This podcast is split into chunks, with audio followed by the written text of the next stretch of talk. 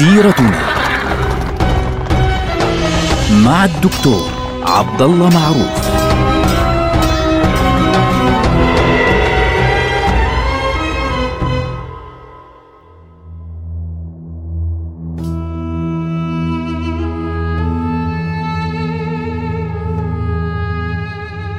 السلام عليكم ورحمة الله وبركاته. سيرتنا سيرة هذه الأمة ابتداء من سيرة رسول الله صلى الله عليه وسلم مؤسس هذه الأمة عليه الصلاة والسلام. نحن الآن بعد في بداية السنة الرابعة للبعثة. ثلاث سنوات النبي صلى الله عليه وسلم كان يدعو الناس سرا بهدوء وعدد بسيط جدا من الناس يعني يؤمن به صلى الله عليه وسلم ليه؟ لأنه كانت الدعوة انتقاء من هنا ومن هناك مش أي واحد يعني بتروح تعلن له الدعوة الآن بعد ثلاث سنوات صار كان للمسلمين يعني عصبة قليلة موجودة لكنها بعضهم من الأشراف وبعضهم من الضعفاء ولكنها كافية لبدء إعلان الدعوة. شوي شوي. يعني خطوة خطوة لقريش. فبعد ثلاث سنوات من التربية ومن الدعوة السرية يبدأ أن القرآن الكريم يحضر النبي صلى الله عليه وسلم لإعلان دعوته لقريش جميعا. أول خطوة فعليا في هذه المرحلة إيش كانت؟ كانت دعوة بني هاشم. دعوة بني هاشم. فنزل قول الله عز وجل وأنذر عشيرتك الأقربين هدول أول ناس. طيب ما هي الفوائد لهذا الموضوع؟ وليه ليش يبدأ النبي صلى الله عليه وسلم مباشرة؟ ليه ما يروح على قريش ويقول لهم يا قريش؟ يعني انتهى الموضوع خلاص.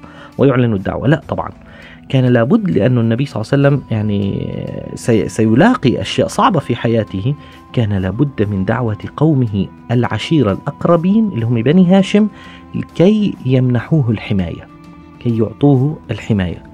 تعال نشوف ونتعلم من النبي صلى الله عليه وسلم كيف كان يعني يتعامل مع الناس بهذا المنطق الجميل وبالعقل فعليا.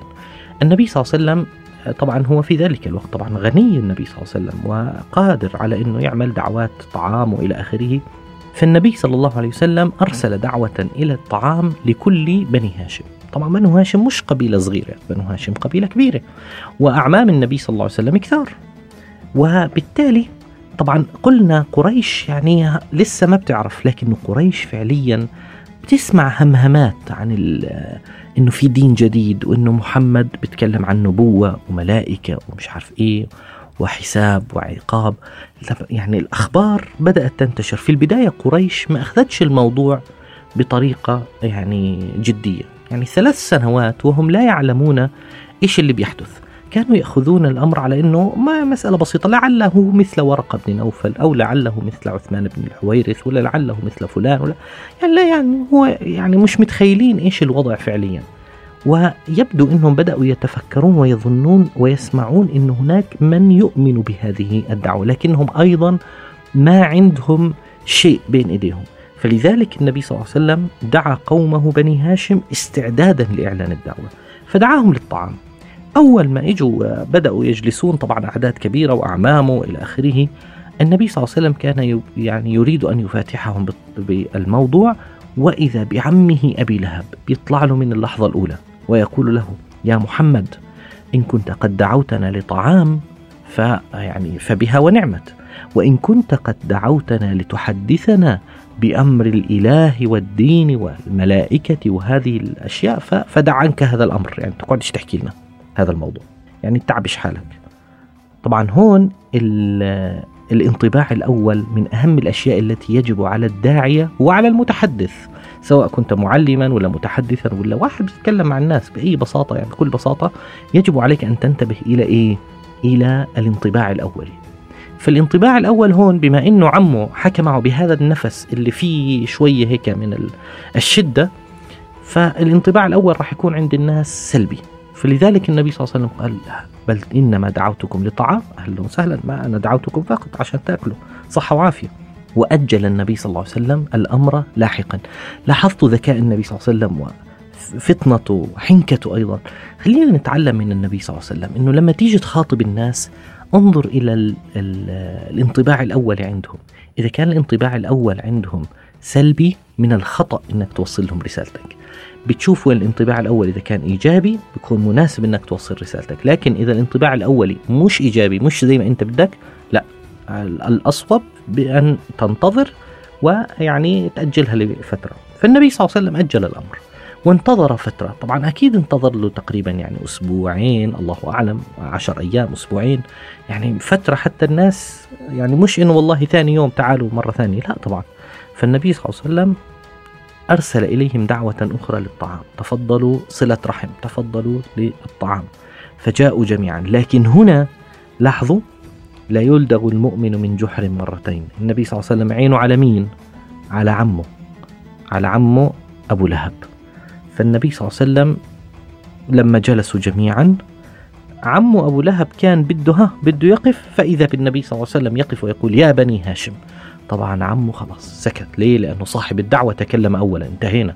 صاحب الدعوة يعني صاحب البيت عيب أنه يجي قاطعه فقال يا بني هاشم آه، كيف أمري فيكم؟ أنا كيف بتشوفوني؟ فقال يعني مدحوا النبي صلى الله عليه وسلم. ثم قال لهم إن الله قد أرسلني. إلى الناس جميعا كي أدعوهم إلى كذا وكذا وكذا وكذا وأمرني أن أقول للناس كذا وكذا وكذا. أخبرهم بكل بساطة وباختصار مش بخطبة طويلة لا باختصار عن الدعوة. إن الله قد أمرني أن أن أدعو الناس إلى كذا وكذا وكذا وإني رسول الله إلى الناس وأنتم أقرب الناس لي وبالتالي أحق الناس بأن أدعوكم وأحق الناس بأن أخبركم بهذا الأمر. الآن إيش قال لهم؟ الفحوى الأخيرة الكونكلوجن يعني, يعني الخاتمة. فهل أنتم مانعي؟ شو معنى هذا الكلام؟ طبعا هنا المنع بمعنى الحماية يعني هل ستحمونني حتى أبلغ الرسالة؟ مباشرة. هيك هذا هو الطلب. لاحظوا الطلب مش إنه والله أسلموا الآن عليكم أن تسلموا إلى آخره لأنه النبي صلى الله عليه وسلم هدفه البداية يعني في البداية من هذه الدعوة إنه يكسب هذه القلوب وفي نفس الوقت يكسب الحماية من هذه المجموعة لأنه سيحتاجهم فعليا أمام قوم آخرين خاصة بني مخزوم مثلا قبيلة آه، أبي جهل على سبيل المثال. فالنبي صلى الله عليه وسلم قال فهل أنتم مانعي؟ فعند ذلك تكلم أبو طالب عم النبي صلى الله عليه وسلم. فقال يا ابن أخي اذهب وقل ما شئت فوالله لن نمنعنك يعني خلاص تكلم بالمنطق العشائري.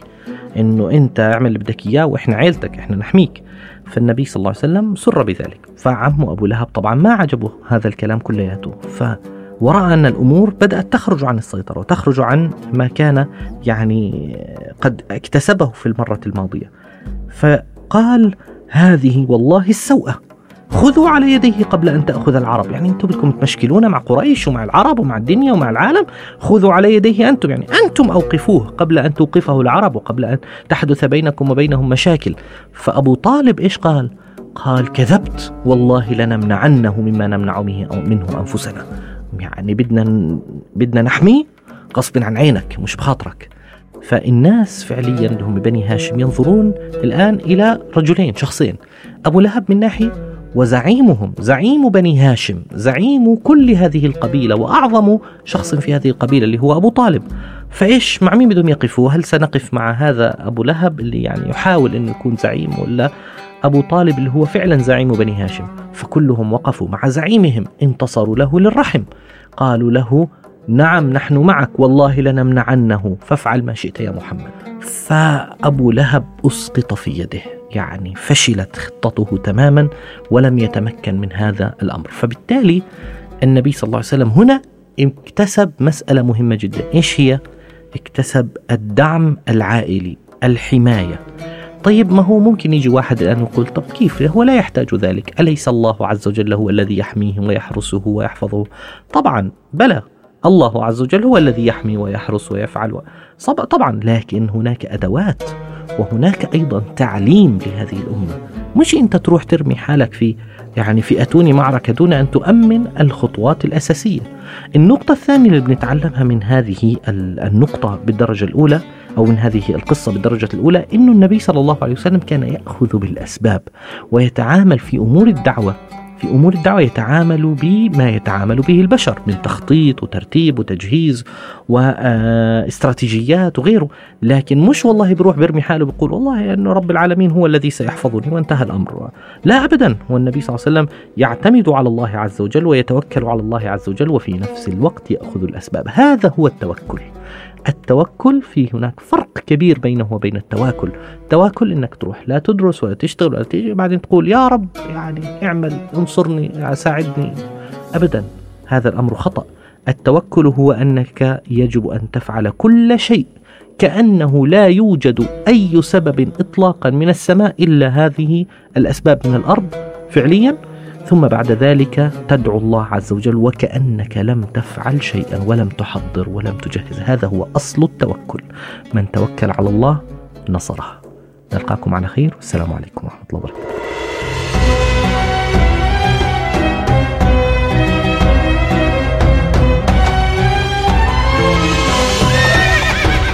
سيرتنا مع الدكتور عبد الله معروف.